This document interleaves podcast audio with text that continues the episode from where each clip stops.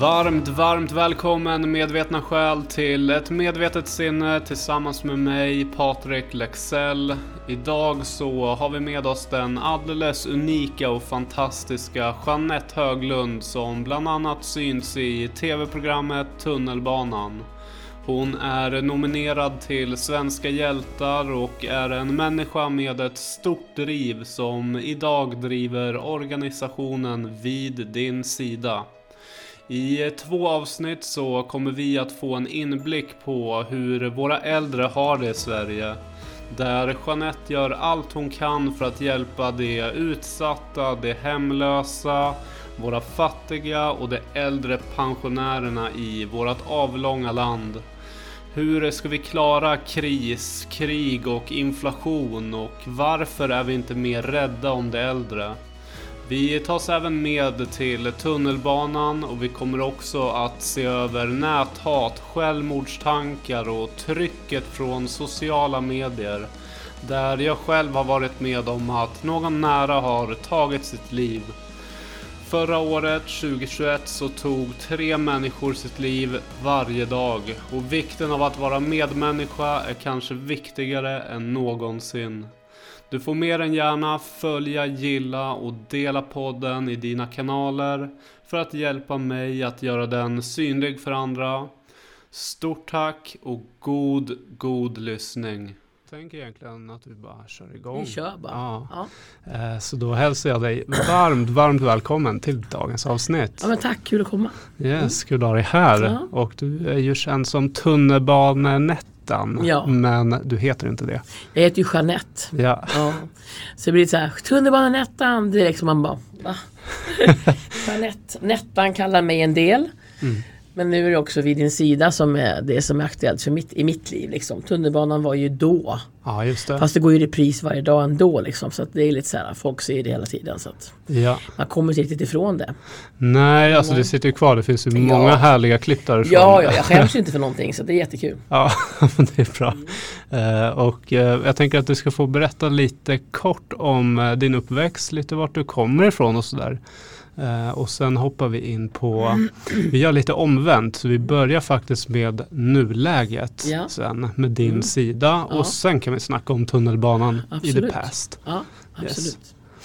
Så vem är du? Vart kommer du ifrån? Jag är en 52-årig kvinna som eh, fyller 53 på torsdag. Så att jag är inne på andra halvan nu. jag kommer ifrån Hälsingland, från Färila. Jag är uppvuxen där till jag var 18 och så flyttade jag då till Stockholm till min pappa. Eh, och jag har jobbat i säkerhetsbranschen sedan jag var 18 år, 19 kan man säga.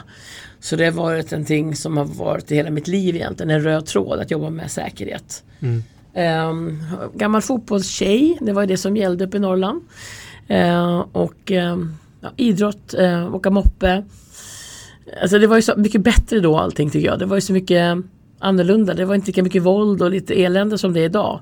Att vara tonåring idag är svårare än vad det var då. Det var mysigt på den tiden. Det var roligt. Man gjorde det ganska enkelt. Man samlades på på en knapp, sätter det en trappa där och så satt man där och snackade alla tjejer och så spelade vi fotboll och så liksom, det var så mycket enklare förr. Ja. Ja. Och sen när jag kom till Stockholm så visste jag ganska snabbt att jag ville ge mig in i säkerhetsbranschen. Så jag började som väktare på ett ronderingsföretag. Men jag var väldigt kort tid där till jag fick bli ordningsvakt. Och jag började 89 som ordningsvakt. ja, då föddes jag. Ja men du ser vad gammal jag är. Och där eh, gick jag in som ordningsvakt i tunnelbanan. Vi var inte många tjejer på den tiden. Jag tror det var två, jag och en till. Ah, okej. Så det var lite så här tuffare att få slå sig in på. Mm. Men eh, jag kände mig liksom, det var roligt. Jag gillar ju det här. Och sen jobbade jag där till 91 ungefär.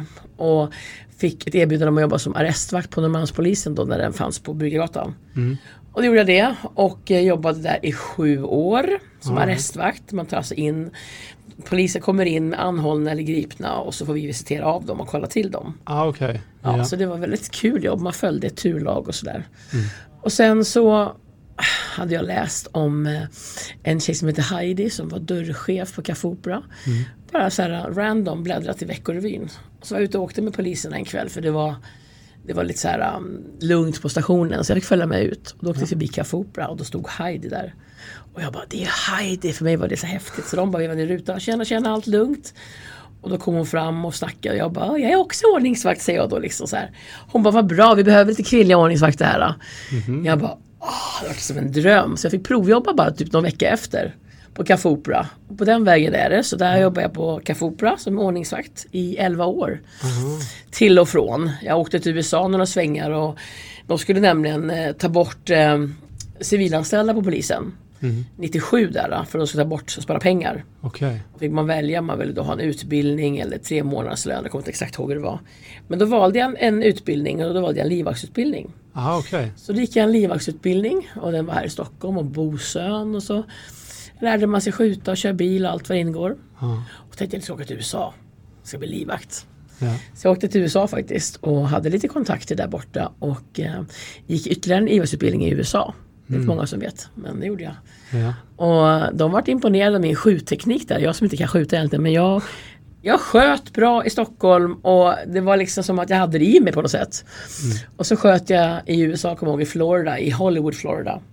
Och då ville han som var chef för den här livvaktsutbildningen att jag skulle börja jobba där. Men där är det så att man måste ha en sponsor för att få till, tillstånd för att jobba i USA. Och liksom ha tillstånd och lite så här massa bök. Och det var lite svårt. Folk vill ju inte ta ansvar för mig. Om inte jag får jobb så blir de, jag blir ju en börda för dem. Ah, ja. Så jag åkte fram och tillbaka där och inte kunde bestämma vad jag skulle göra. Men jag åk- åkte hem i alla fall. Men jag hade ju en fin utbildning i bagaget. Ja. Ställde mig på Café Opera igen. Stod i dörren på Spybar. Eh, och sen så tog jag lite lugnare och hamnade i dörren på Sturehof. Ja. Och där var jag några år till och från och sen gick jag och pluggade till behandlingspedagog. Okej. Jag tror det var 05 jag började som det. För jag tänkte jag måste göra någonting annat än bara vara ordningsvakt. Ja. Och att jobba med människor är ju min grej. Så då pluggade jag till behandlingspedagog. Och jobbade väldigt länge på behandlingshem med ungdomar och kriminella och psykisk ohälsa, självskadebeteenden och sådär. Men jag kände ändå att det var jag saknades i mitt liv. Jag kände att här vill jag nog inte vara hela tiden. Vad kan jag göra mest skillnad liksom? Så jag gick tillbaks och så började jag tunnelbanan igen. Eh, och där blev jag kvar ganska länge. Och så började programmet Tunnelbanan. Just det. Men det ville inte jag spela in. Ja. Jag var inte intresserad av att vara med i TV, springa runt där och ha en filmkamera bakom mig. Ah, Okej. Så, eh, men då var det en liten händelse som hände i Östermalmstorg, ett slagsmål. Som jag och min kollega åkte på. Då var det ett kamerateam där med den andra patrullen. Eh, och jag gick in där och min kollega och det gick jättebra. Jag gjorde lite snygga grejer där så att de varit impade förmodligen. Okej. Så jag fick ju berätta om själva situationen för det ville de ju höra. Det har jag inga problem att berätta. och eh, ja, och dagen efter ringer min chef och säger du måste med i tunnelbanan. Jag bara aldrig. Han bara jo, du måste. snälla, snälla, snälla. För de hade ringt till mitt jobb och sagt att vi ville ha med Jeanette som en av våra. Ah, du hade gjort ett så bra Ja men de var impade min eh, teknik där. Jag fattar inte. Vad gjorde du? Nej, jag kommer inte ens ihåg vad jag gjorde. Jag gör som jag alltid är, liksom. Jag pratar väl först och liksom Nej men alltså det var inget märkvärdigt för mig. Men eftersom jag är ganska trygg i mig själv så tror jag att man inte behöver använda så mycket våld och eh, Det gick väldigt bra i alla fall. Ja. Eh, så att jag tänkte okej de får provfilma liksom. Vi kan ha en, en helg med mig ett kamerateam. Så på den vägen är det att jag var med i tunnelbanan. Eh, och så får jag inte glömma att jag har varit gift också men det var väldigt kort och intensivt. Det var Ja. ingenting för mig. Okej, du är singel idag. Ja, jag är singel idag. För alla som lyssnar. Ja, ja, ja, jag har haft en del förhållanden men jag har aldrig liksom känt mig Alltså det är klart man vill ha kärlek men det var inte rätt för mig bara den, den killen. Ah. Men ehm, i mitt jobb i tunnelbanan så upptäckte jag den här målgruppen äldre, hemlösa och fattiga pensionärer. Och där är vi idag när jag jobbar med Vid din sida. Ja. Så det är väl det. Crazy cat mom, tre katter, bor i lägenhet här. Ah, det händer massor just nu. Men vid Ja. din sida är mitt liv, min luft och allt jag vill göra just nu. Ah, fantastiskt. Det var en kort resumé. Ja, ja, alltså du har ju hunnit med otroligt mycket i ditt liv så Ja, du sammanfattar otroligt bra Ja, också. på bra. den Ja, men lite snabbt sådär så att Ja. alla tröttnar. Mm. Ja, precis. Eh, och det här med vid din sida då, det Mm. har ju, alltså det ju, har ju blivit jättestort. Eh, nu kommer inte jag, var det 2016 Ja, det grundades? Precis. Ja. Och eh, jag tänker där för de som inte riktigt vet vad, vad är vid din sida för någonting. Skulle du kunna berätta lite hur, hur, hur kom du in på det spåret Mm. och, och vad är det för någonting? Vad gör ni för någonting på den organisationen? Ja, alltså grejen var så att jag var ute och nattvandrade där på jobbet med min kollega. Vi gick ju plattformarna och sen så kom jag ner på blåa linjen och så, så var det tyst. Det var, klockan var väl typ två på natten. Det var liksom helt dött. Men jag hörde att någon grävde i en papperskorg. jag gick fram och så kände jag lukten utav Fahrenheit. Jag bara, luktar som min pappa. Ah. Så ser jag en äldre man stå och gräva i papperskorgen. Så jag gick ju fram med min kollega och jag är så här, jag vill ju prata med alla för jag har 11 timmars pass, 12 timmar. Jag har tid att prata med alla. Ah. Mina kollegor kan vara lite mer så ah, kan vi inte gå nu? Kan vi inte? De vill rondera va? Jag tycker det är roligt att stanna och prata med alla. Ja. Kan vara att jag är lat också men det var väl en kombo. jag tog mig tid att prata med honom och frågade så här, vad gör du ute så här sent? Du ska ju vara hemma och sova. Han var ju välklädd och liksom luktade gott och tittade på mig så här och så tog han fram sin kam som hade fast i plånboken så här, i en kedja, jag kommer ihåg. Så kammade han sig och sa han så här, jag har inget hem, säger han. Jag bara, va? I mitt jobb är man ju van att se mycket missbruk och som sover på bänkar. Och, Men att se en gammal farbror liksom inte ha ett hem, det var så konstigt för mig. Jag sa, vad är det du säger? sa jag. Det kan väl inte stämma. Han bara, jo, så berättade att hans fru hade dött två år innan. Och man har bara kvar den ena partens pension i ett år. Sen så tar ju staten den andra. Så upp, upp, man inte har något så här stort pensionsspar. Men det är ju inte riktigt, på den tiden var det inte riktigt så. Det är liksom annorlunda idag. Nu kan man pensionsspara och hålla på. Ja. Eh, så han hade ju liksom lika mycket utgifter då som han hade innan. Och allting blev dyrare så han liksom kände bara att han har inte råd. Han vart av med allting. Kronofogden knackade på dörren berättade han. Och, och när man är i den här åldern, han var väl 75, så har man en viss stolthet också. Han vill inte be om hjälp. Ah. Hans barn och barnbarn visste inte om att han var hemlös. Han vägrade berätta. Okej. Viktigaste för honom var att han hade sin lilla pension så han kunde ge lite pengar till sina barnbarn när de fyllde år och sådär. Men han bodde i hissar berättade han och nattbussar. Wow. Jag bara, du kan ju inte ha det så här. Det går ju inte. Han sa att det är inte bara jag som har det så här. Vi är flera. Så berättade han att på centralstationen sitter de ofta i bethallen där uppe. Eller i stora hallen. Mm.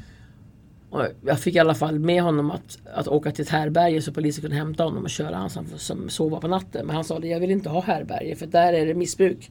Ah. Han är en vanlig trött pensionär. Okej. Men han gick med på i alla fall att de ordnade någonting till honom. Jag kommer inte ihåg vad det var. Och det där satt kvar i mig väldigt länge. Jag bara tänkte, men gud, alltså vad var det jag såg? Mm. Så dagen efter åkte jag ut till centralen och ställde mig och tittade. Och det minns som han sa, det satt det liksom en äldre på varje bänk på rad. Jag kommer ihåg att de hade så här burkar i en papperspåse mellan knäna. Och satt och sov med gamnacke liksom. Och jag tänkte, vad i sjutton är det här? Wow.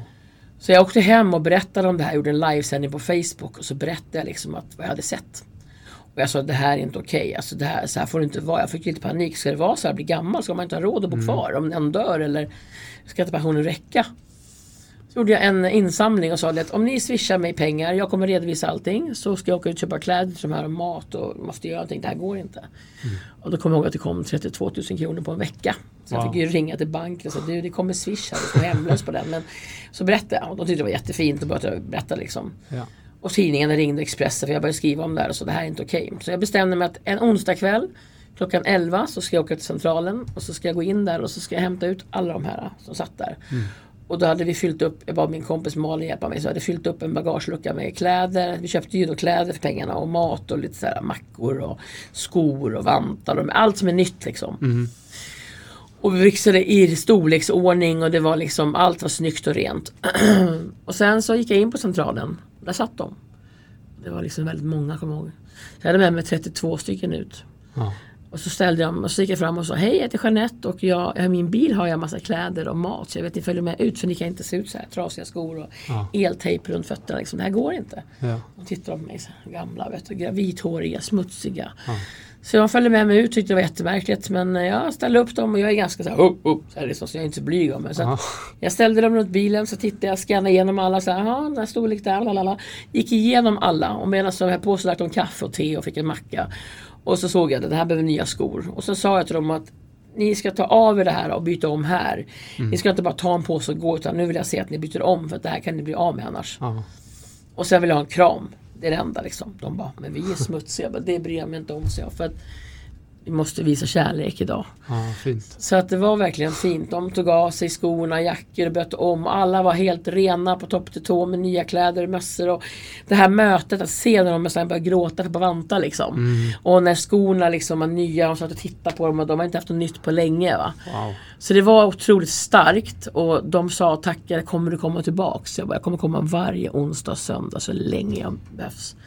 Eh, och sen när jag satte mig i bilen så sa jag till min kollega, jag kommer att öppna fritidsgårdar för pensionärer. Det här funkar inte.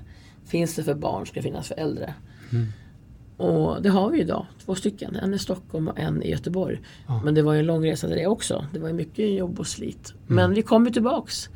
Varje onsdag och söndag. Det blev ju större och större. Volontärer kom. Och vi har inte missat en onsdag eller söndag. Och vi har inte missat en högtid. Vi har alltid gett oss att få julafton, nyårsafton, midsommarafton, påsk. De får alltid känna av det, liksom, de högtiderna. Fast det faller in på onsdag och söndag. Så även fast julafton är på en fredag. Ja. Så har vi på onsdagen då en liten julafton med julklappsutdelning och grejer. Och hotellnätter och hostel och SL-kort. Och, och idag har vi 90 stycken som står i våran kö och behöver mat och omsorg. Ja. Så att det har ju ökat enormt. Mm. Och fritidsgårdarna är fulla av fattiga och hemlösa. Wow. Så det är liksom, det har blivit stort. Det har blivit uppmärksammat både politiskt och Ja. medialt såklart. Och ehm, jag tror att det är så att ehm, de skäms lite, våra politiker, att det är så här att det är så Ah. lågprioriterat. Att, att vi har faktiskt hemlösa pensionärer idag som inte har missbruk. Vi har fattigpensionärer som inte har råd att betala sin el. Mm. Så att det- är liksom, de vill inte riktigt möta problemet och när jag bjuder in Ja. så tar det väldigt hårt för vissa att komma. Och jag kämpar ju liksom, jag hade en demonstration för 2019 Ja. och det var över 4000 som gick till Mynttorget och det Ja. var en partiledare som kom ut och så var det en representant och en vice partiledare. Ja. Och så gjorde vi en till här nu i maj. Ja. Eller juni var det. Nej, maj. ja, juni. Ja, juni var Sjunde det. juni. Ja, kolla. Ja. Men där var inte samma uppslutning. Jag vet att många är rädda för Corona fortfarande. Och att, men det var väl en 600-700. Men det var väldigt besvikelse för mig. Mm. För jag hade då fått att alla nästan skulle komma ut och prata. Okej, Men alla partier. alla partiledare. Ja. Eller vice partiledare. Det var väldigt bra uppslutning eh, politiskt. Men då ställde Morgan Johansson till det. Så att det var liksom den här eh, omröstningen och han skulle vara kvar. Så då fick ju många avboka. Aha. Så då bara Ebba Busch kom ut som partiledare. Ja. Så var det några representanter då. Ja. Så att det var lite tråkigt. Jag var otroligt besviken. Och kände mig bortprioriterad. Mm. Jag kände att vad fan det här är fan viktigare än Morgan Johansson. Alltså, Ja. Jag kände det då. Men, eh, Och för de som inte vet vem Morgan är, vem är det? men han är ju justitieminister. Eller hur? Ja, jag har ingen aning. Jo, jag tror fan han är det. Jo, om man får svära. Men eh, i alla fall så tänkte jag så här att eh, vi ska ha en ny debatt, tänkte, en liten inbjudan till våra politiker nu för de som inte kom. Mm. Så att i soppköket i augusti så kommer jag bjuda in partiledare och sen kommer jag ha tre frågor till alla. För då är det också val nästa månad efter det. Ja, just det. Och då får de vara med mitt i soppköket och se dessa äldre 90-95 stycken Ja. stå där och få mat av oss och så får de se vad som har hänt. Intressant. Så att det kommer hända i augusti. Så vi får se hur många som dyker upp då. Ja. Så det är väl det som är på agendan just nu då. Ja, spännande. Mm. Och eh, jag har ju några följdfrågor på det. Mm. Eh, bland annat som du nämner med eh, Alltså med eh, de här demonstrationerna som ni gör. För det, eh, jag läste lite om det att du hade, som du sa, tre frågor. Och det handlade om eh, eh, frågor om att sänka skatten och höja pensionen. Mm. Har du fått något gensvar genom åren på, alltså finns det något parti som har berättat att så här ska vi göra? Nej, jag hade ett möte med statsministern när han var Stefan Löfven. Mm. Och då sa ju han att ja, målet är att pensionärerna ska få 1000 kronor mer i plånboken minst. Och då tyckte jag att det var för lite i alla fall. Och jag sa till honom att ta bort skatten istället. Så pengarna räcker. Här är ändå pengar som vi har jobbat för i hela vårt liv. Ja. Men de tycker ju inte riktigt det va, alla. Eh, så att eh, jag vet inte, jag tror aldrig det kommer hända. Mm. Men jag skulle nöja mig med om de höjde det 5000 i månaden. Mm. Till att börja med. Skatten är absolut nummer ett, ta bort den, det vill jag. Ja. Men om inte annat, gör en rejäl höjning. Så att, jag menar, jag tänker inte på, jag är 52, jag har ganska långt kvar till pension. Men jag tänker på de kommande generationerna. Mm. Att för oss framtid också, att vi ska få det bättre när vi blir gamla. Så det här är ju en fråga som egentligen gäller alla. Ja, verkligen. Alla! verkligen. Ja, det är Oh, inte bara jag eller min kompis eller grannen utan det är liksom ungdomarna. Ska Ja. de få en dräglig... Alltså folk tänker inte på att de blir gamla och kanske kan bli fattiga. Om man inte har mycket pengar från början. Ja. Om man inte äger en massa fastigheter och har en trygghet. Men det är inte många som har det. Nej. Så att jag menar, jag är väldigt sådär att det måste ske en förändring. Ja. Om inte annat bli mer empatiska och försiktiga. Mm. Ja, och den är ju, för jag läste lite om, lite om man tar upp statistik, det var jättesvårt att hitta vilka som stämmer och sådär, men enligt SCB Så runt 90-talet hade vi inflation och sen 90-talet till idag så har hög, eh, fattig, vad kallar man det, fattig pensionärer Ja, pensionär, som, som tjänar 12 000 eller mindre Ja. i månaden. Ja. Vilket är otroligt lågt att leva Ja. på 12 000 eller mindre. Ja, Eh, och det har minskat en aning men det är Mm. fortfarande alldeles för många. ja. Eh, och nu tänker jag att vi står ju i ett nytt läge där inflationen skjuter i taket. Mm. Vi har krig, covid. Mm. Det kommer ju fortsätta nu ett par år som det ser ut. Ja, elen och Mm. bensin, alltså det är fruktansvärt.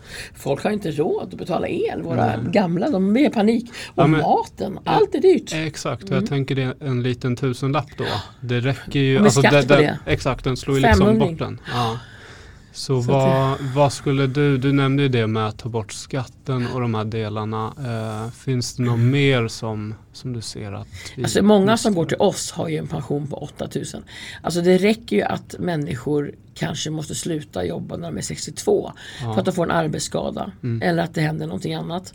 Sjukdom och då, fatt, då tappar de jättemycket pengar. Ja. Så att jag menar det är fruktansvärt hur det är att så några år kan förstöra en hel pension. Mm. Så att jag menar jag tycker bara att här får alla partier enas. Här måste man Vi kan inte ha någon eh, politisk vilde sitter och avgör saker och ting utan vi Nej. måste gå tillsammans här och liksom se till att när vi blir de här sitter ju med fallskärmsavtal och trygghet va? de är ju inte oroliga. Mm. Medan de här andra har ett helvete och får det gå runt. Jag menar, de kan aldrig unna sig saker. Det är dyrt. Jag menar jag som är ung och arbetsför. Jag kan inte unna mig vad som helst heller. Jag måste tänka det är dyrt att handla nu. Mm. Så jag menar liksom kom igen. Alltså, sätt ihop er tillsammans och inte bråka och kasta paj på varandra. För det är vad de gör. Ja. Det är lite cirkusclowner i riksdagen just nu känner jag när det gäller pensionen. Jag önskar att de liksom, okej vad behöver man, vad behöver man för att klara sig när man blir gammal?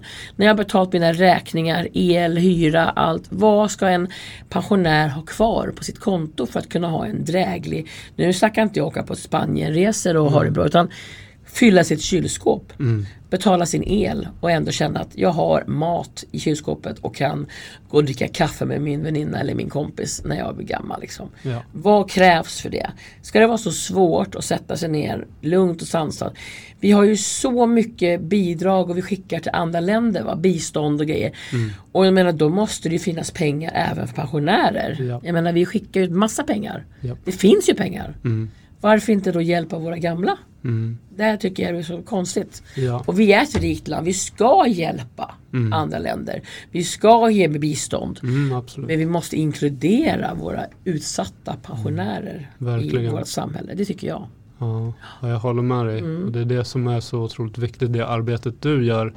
Och där tänker jag också, finns det något, alltså i det jobbet du gör, har du någon statligt bidrag eller får du stöd ifrån dem ekonomiskt på något sätt? Eller hur ser det Nej, ut? inte en krona har vi fått. Eh, Jag hade då en nattvandring med Magdalena Andersson när hon var finansminister. Jag var inbjuden till hennes kontor, satt och fika med henne och hon är skithäftig tycker jag, hon var statsminister. Men tre timmar satt vi och fika och pratade och skrattade och så frågade hon om hon fick följa med ut en natt. Jag bara absolut, du får följa med och en till och så var livvakter liksom. Så du verkligen får se. Så vi var ute och nattvandrade och hon, vi hade jättetrevligt och hon fick se verkligheten. Vi hade med oss Lasse Uffe som bor på gatan, bodde. Lasse är tyvärr död och Uffe har träffat sin kvinna och bor i ett hus. Så det är mycket solsken också. Mm, Men eh, eh, så att hon fick ju se hur de har det. Och sen så sa hon att det här är fruktansvärt skrämmande. Så då sa hon att det här måste vi ändra på. Så då satte de ut pengar som skulle ut och fördelas, kommer jag ihåg, eller, någon gång 2017. Någon gång där. mm, Eh, och då skulle man få dela på pengar så att det kan hjälpa till med våra fattiga. Så. Vi fick inte en krona. Inte en. Och det är ändå hos oss hon har sett problemet. mm, Och det var lite tjafs där, jag var lite irriterad på henne. Och så var hon på Nyhetsmorgon och skulle prata om eh, massa grejer. Och sen så skulle hon fråga om hon fick lämna upp vid din sida som att hon har följt med där. Och ta bilder därifrån. Och då sa jag bara du nämner att du har varit med. Men hon glömde bort den viktiga biten. Så jag var lite sur på henne, men nu är vi sams. Men jag tycker så här, du kunde ha nämnt vid din sida liksom. Och då skrev hon ett Ja. jättefint inlägg på Facebook, hennes egen. Ja. Och bad om ursäkt. Så att hon, jag, jag gillar henne Ja, jättemycket. Jag tycker hon är fantastiskt bra. Tuff liksom. ja. Eh, men fortfarande, varför får vi inga bidrag? Varför får vi inget från Ah. kommunen, ingenting från staten? Vi gör ju ett otroligt jobb. Vi tar vid där kommunen misslyckas, ja, tycker jag. precis. Och Det är ju exakt kunna- så. Ja, Mm, och vi undrar vad pengarna är. ja. Men som tur är så har vi så fantastiska följare. Mm. Vi når ut till en och en halv miljon människor i månaden. Ja. Vi har månadsgivare, vi har tunga sponsorer, vi har företag, hjälpt till att renovera gården och fixat. Alltså vi är lyckligt lottade. ja, det är bra. Så tack vare dem så kan vi göra det här. Och det är för att de tycker att det är viktigt. Mm. Och eftersom inte kommun och stat tar vid så måste vi vanliga hjälpas åt. Mm. Så tack vare det så kan vi göra det här jobbet. Ja. ja, det är otroligt Ja. fint och Ja. samtidigt någonstans lite sorgligt att inte staten kan ta tag i det. Att du och alla Mm. andra behöver liksom kliva in. Ja, att, att det ska behövas att eh, människor som jag och mina volontärer allihopa, att vi ska behöva ta vid. Mm. För att inte staten lyckas med sina egna. ja. Så det är lite pinsamt tycker jag, för dem. ja, men verkligen. Och det, jag tänker också det man, man tar med just skatt i Sverige generellt. Mm. Vi, är ett av de, eh, vi betalar ju högst skatt Ja. av alla länder Ja. i princip. Och sen har vi lägst pension. Eh, det, det, det går liksom inte ihop Nej. hur... eh, Och så är vi väldigt generösa också. Mm. Andra. Så jag tycker att det här är lite konstigt. Varför är vi inte mer rädd om våra gamla? ja, verkligen. Alla ska bli gamla om man har tur. Ja, precis. Och man vill ju ändå känna att har man jobbat ett helt liv så ska man kunna njuta. För mig, många säger att livets efterrätt är barnbarn och så här va. Mm. För mig är livets efterrätt att bli gammal och ha en bra vila Mm. efter sitt arbetsliv. Eh, Men det är inte så lätt så just nu för många. Nej, verkligen inte. Ja, både min mamma och pappa är på väg in i den åldern Mm. nu. Och jag skulle nog tro att båda är lite nervösa över hur det kommer sluta. Ja men det är ju Eh, så. Det är tufft. Det, det, det är tufft. Mm. Det är verkligen det. Ja. Eh, och i, vid din sida så fanns det också, jag kollade lite andra trådar Mm. och där hade vi också, på nätet så uppstår ju en hel del frågor och diskussioner kring eh, vid din sida. Eh, och bland annat har det varit eh, frågor om det är kopplat till SD och rasismen Mm. och samtidigt har du vänsterextremister som säger att ni är Och även främlingsfientliga. högerextremister. Mm. De har ju använt vårat, eh, våran organisation, våran sociala medieplattform som ett bollplank för Ja. sånt hat. Vi är totalt opolitiska. Vi har ingenting med ett enda parti att göra. Vi tar inte emot politiska bidrag. Får vi in ett politiskt bidrag skickar vi tillbaks. Ja. Vi har aldrig haft och vi har, det som är så sjukt att det började med demonstrationen. Det var ju där det började att vänsterextremisterna, för att Jimmie Åkesson gick upp och pratade. Ah. Men Moderaterna var där, Socialdemokraterna var där. Mm. Varför just vart det så? Ja. Och nu är det gammalt, för mig är det bara ur. Men fortfarande, så fort det kommer upp någonting så blir det ju liksom massa skitsnack, Ja, massa det. troll. Det här är en demonstration från 2019 Ja, va? precis. tror Sen jag. har ju Ja. varit lugnt sedan dess. Mm. Men jag, och därför var jag väldigt noga med att den här demonstrationen så har jag visat samma jag gjorde förra gången men ändå tydligare att de här har vi skickat till allihopa, alla svar, Mm. vilka, vad de har sagt och alltihopa så ingen kan komma. Och det var väldigt tyst den här gången. Mm. Så att, eh, men jag har fått höra att jag är Sveriges farligaste kvinna av någon och man bara va? Och du vet att, eh, att Jimmie Åkesson betalar min lön. Alltså, det är så sjuka grejer. Och grejen är varför jag är så trygg och kan skratta åt det. Vi har bevis på allt. Mm. Alltså det finns det är inga problem att kolla upp sånt. Kom med fakta så ska vi diskutera brukar jag säga. Mm. Men jag brukar bemöta de här trollen med kärlek. För jag tycker någonstans ändå att de som sprider så mycket hat Mm. och försöker förstöra någonting fint Eh, det går inte. Mm. För det är så mycket mer kärlek. 95% kärlek och 5% hat. fint. Men jag brukar bemöta dem med att egentligen är det ju synd om dig för du är säkert väldigt ensam. Så istället för att sitta och hata Kom ner och möt oss. Kom och se vad som vi har i soppköket. Tittar man på våra bilder, ingenting stämmer av det de säger. Vi hjälper alla som är äldre. Alla är välkommen till oss. Vi gör inte skillnad på någon. Det enda vi diskriminerar, om man nu ska kalla det för det, det är åldern. Man måste vara äldre. Ja. Man måste vara 65 för att Ja. komma till oss. ja, men det är ju målgruppen Det vi är det jobbar enda. med. Så. Precis. Så att allt annat är troll och eh, tråkigheter. Och, men jag tycker synd om dem. Alltså det är ingenting som jag lägger energi på idag. Det är tråkigt bara att de inte har något annat liv för sig att göra det. Ja, verkligen, verkligen. Ja, att de vill förstöra det här fina. Precis. Men eh, om man tittar på oss och om man granskar oss så ser man att det är inte som de säger. Mm. Så att eh, jag låter dem hålla på. De kommer inte innanför mitt hjärta ändå. Ja, vad fint, vad fint. Det är bra. Mm. Vi Kärleken backar bara utav sats vet du. Ja, det är bra. Helt underbart. Ja. Eh, och eh, där kom vi också in på, jag hade en till som jag var Mm. lite nyfiken på. Mm. Eh, och det är bland annat så eh, som, det var någon som frågade om det var, tror det var någon Flashback-tråd. Mm. Så var det en fråga om din inkomst. Min inkomst? Vad, vad gör du idag och Mm. vad tjänar du pengar på? Ja, jag är då från löneorganisationen. Vi har till och med anställt en person. Tack vare otroliga sponsorer som gör så vi kan göra det. Det går inte att leva på luft. Jag kan inte jobba dubbelt. Ja. Så det var bara att välja antingen tunnelbana, lägga ner vid sida eller vid sida och fortsätta med det. Så då har vi till och med anställt någon. Så det är inget konstigt. Vi, går, vi får betala lön, vi har speciella donationer för det. Mm. Inget konstigt. Ja. Vi vill anställa fler. Ja. Men ju större vi växer och ju mer hjälp vi får kan vi göra det. Men i dagsläget är vi två som är anställda av Videos sida. ja, vad härligt. Det är underbart för då kan man lägga mer fokus. Ja, verkligen. Och slippa stressa över att jag jobbade ju dubbelt i flera år. Jag lämnade in min uniform förra sommaren. Och Okej. min kropp har sagt nej nu räcker det. Alltså man är 50 plus och bo- jag orkar inte jobba längre. Alltså det funkar inte. Att jobba liksom först 12 timmars pass, fem dagar ena veckan, två dagar andra och sen gå direkt till vidare sida. Det går inte. Nej. Jag är bara människa och ska jag kunna göra ett bra jobb så måste man bestämma sig. Ja. Ja. ja, det där är rätt. För den frågan tänker jag, den är inte bara för dig. Det är många, många som jobbar ideellt. Och Mm. jag, jag gör den här podden på min egna tid exempelvis. Och får samma fråga, hur tjänar Ja, ja. pengar? Och, Har man donationer som är speciellt avsatta för det här. Ja. Vi har ju företag och vi har ju liksom människor som vill att det ska vara så här. Då tackar man och tar emot. ja, Annars får man ju stänga verksamheten. Det funkar ju inte liksom. Ja, men exakt. Jag menar vi driver ju två gårdar i Göteborg och Stockholm. Bara hyran där, el, allting det kostar liksom. Ja, Men vi måste ändå se till att de har en trygghet, våra äldre. exakt. Så att vi värnar ju om dem liksom. Ja. Men annars får man ju lägga ner. Det Ja. går ju inte att jobba som jag gjort innan. Nej. Så nu har vi en husmor på gården också som tar hand om mat och underhåll på gården. Se till att maten är hemlagad, att gården är städad. Alltså det är jättemycket som krävs för att driva här verksamhet.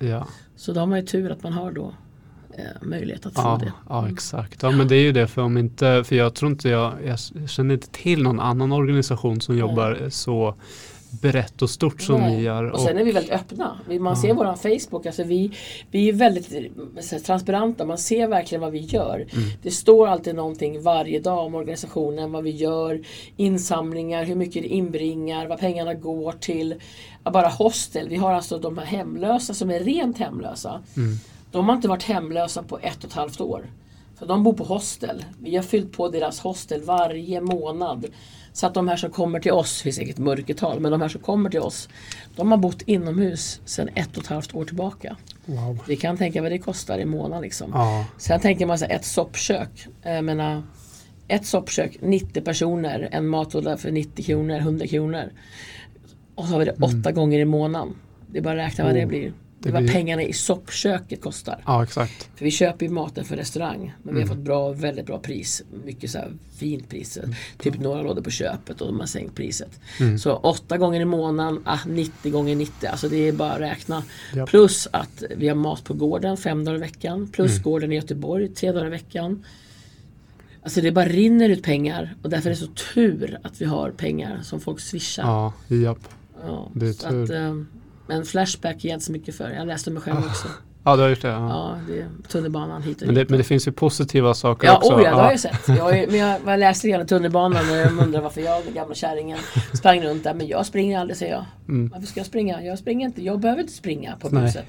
Jag är där för att skapa trygghet. Ja. Alltså, folk, det kommer till oss. Mm. Alltså, det, folk kommer fram och säger du det ligger någon där. Ja men då går man dit och fixar liksom. Ja. Så att jag bryr mig inte så mycket om såna här spök. De, de har så tråkigt liv de här stackarna. Alltså jag blir så här, jag blir så här full i skratt. Jag blir full i skratt när jag läser. Ja. Jag tänker, vad är det här? Kan de inte bara gå ut och skratta istället och vara glada? ja, men det finns, det finns en del. För jag känner så här, generationen lite yngre än mig så är Mm. de mycket inne. Och många går liksom in i olika trådar bara för att Ja. trolla. Ja! De tycker det är jätteroligt att liksom sätta igång en debatt Ja. som, som är helt från verkligheten. ja. Mm. Men liksom, det, där, Ja. det, är synd om dem. Alltså de här som verkligen sprider hat. Mm. Jag tycker att de har nog inte så kul. Det kanske är psykisk ohälsa med också i bilden. Att de inte Ja. mår bra liksom. Ja, jag brukar tänka så att mer kärlek så blir det bra liksom. Mm. Ja, det är jättefint. Mm. Och om man nu skulle vilja engagera sig vid din sida, Mm. vad kan man göra då? Då kan man följa våran sida för där skriver vi alltid vad vi behöver hjälp med.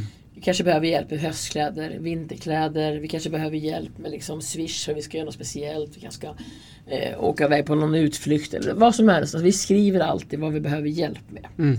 Så att om man följer den sidan så kommer man inte missa någonting. Ja, på Facebook och Ja. Instagram. Instagram och Facebook, precis. Och det är kopplat till varandra. Liksom. Ja, jättebra, toppen, Mm. jättebra. Och om vi då hoppar, vi lämnar vid din sida lite och så Mm. hoppar vi in på tunnelbanan Mm. då. Eh, och där är det intressant tänker jag att veta när, eh, du var inne på det i början här, när du Mm. började i Mm. tunnelbanan. Ja. Och sen skulle jag vilja veta lite skillnaden från hur tunnelbanan såg ut när du började Mm. till idag.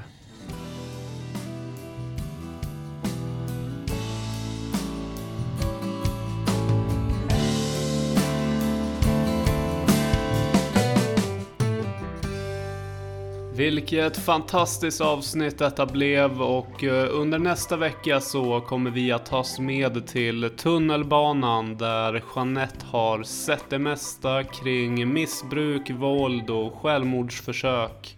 Vi kommer även se över näthat, självkänsla och trycket från sociala medier. Där jag själv har varit med om att någon nära har tagit sitt liv. Förra året, 2021, så tog tre människor sitt liv varje dag och vikten av att vara medmänniska är kanske viktigare än någonsin. Du får mer än gärna dela dina tankar kring avsnittet och dela podden i dina kanaler. Till nästa gång, ta hand om dig så hörs vi snart igen.